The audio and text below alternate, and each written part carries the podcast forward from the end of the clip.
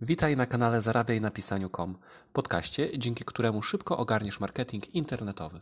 W dzisiejszym odcinku odczarujemy kolejny tajemniczy termin, czyli copywriting.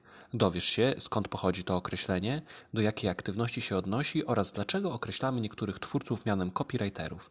Dlatego zostań ze mną i przekonaj się, jak wygląda nowoczesne pisarstwo.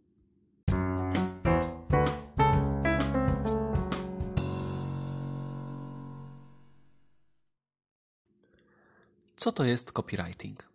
Copywriting to pisanie tekstów użytkowych. Takie teksty mają na celu pozyskanie uwagi czytelnika, a następnie skłonienie go do określonego działania.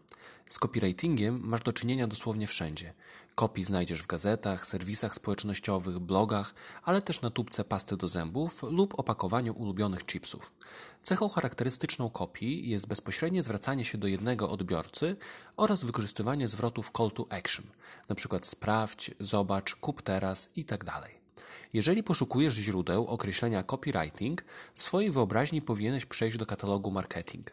Zadaniem copywritera od zawsze było tworzenie pozytywnych warunków do sprzedaży reklamowanego produktu. Przez lata polegało to przede wszystkim na tworzeniu tekstów i sloganów reklamowych. Copywriter opracowywał projekty ulotek, banerów, scenariuszy spotów radiowych lub telewizyjnych. Obecnie to nieco bardziej skomplikowane. Celem copywritera nie jest już wyłącznie sprzedaż. Copywriter może mieć na celu skłonienie Cię do kliknięcia w link lub zapisanie się na newsletter. W epoce content marketingu dobre copy powinno budować zaufanie odbiorców oraz rozpoznawalność wybranej marki.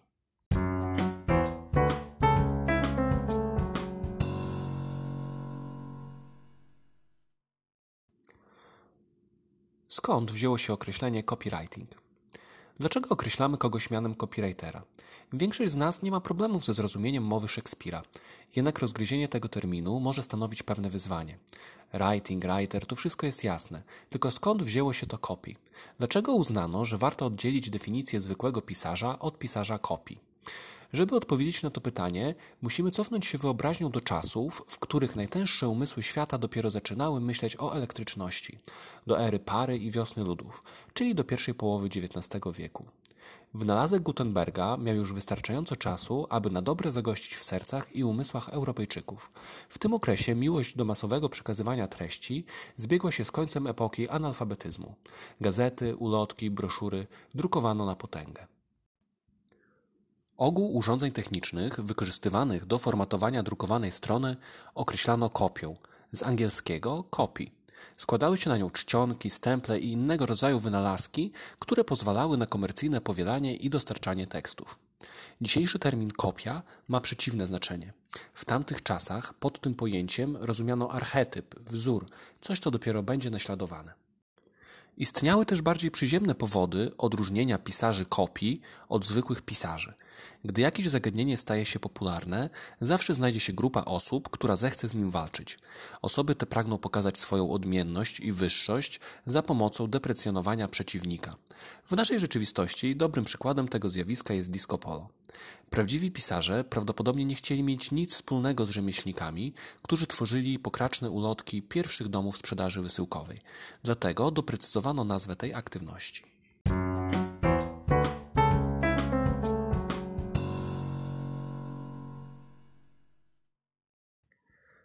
Co to jest copywriting SEO? Na portalu zarabiaj na pisaniu.com zajmujemy się przede wszystkim jedną z dziedzin copywritingu, czyli pisaniem tekstów SEO. Teksty SEO to utwory dopasowane do potrzeb algorytmów wyszukiwarek internetowych.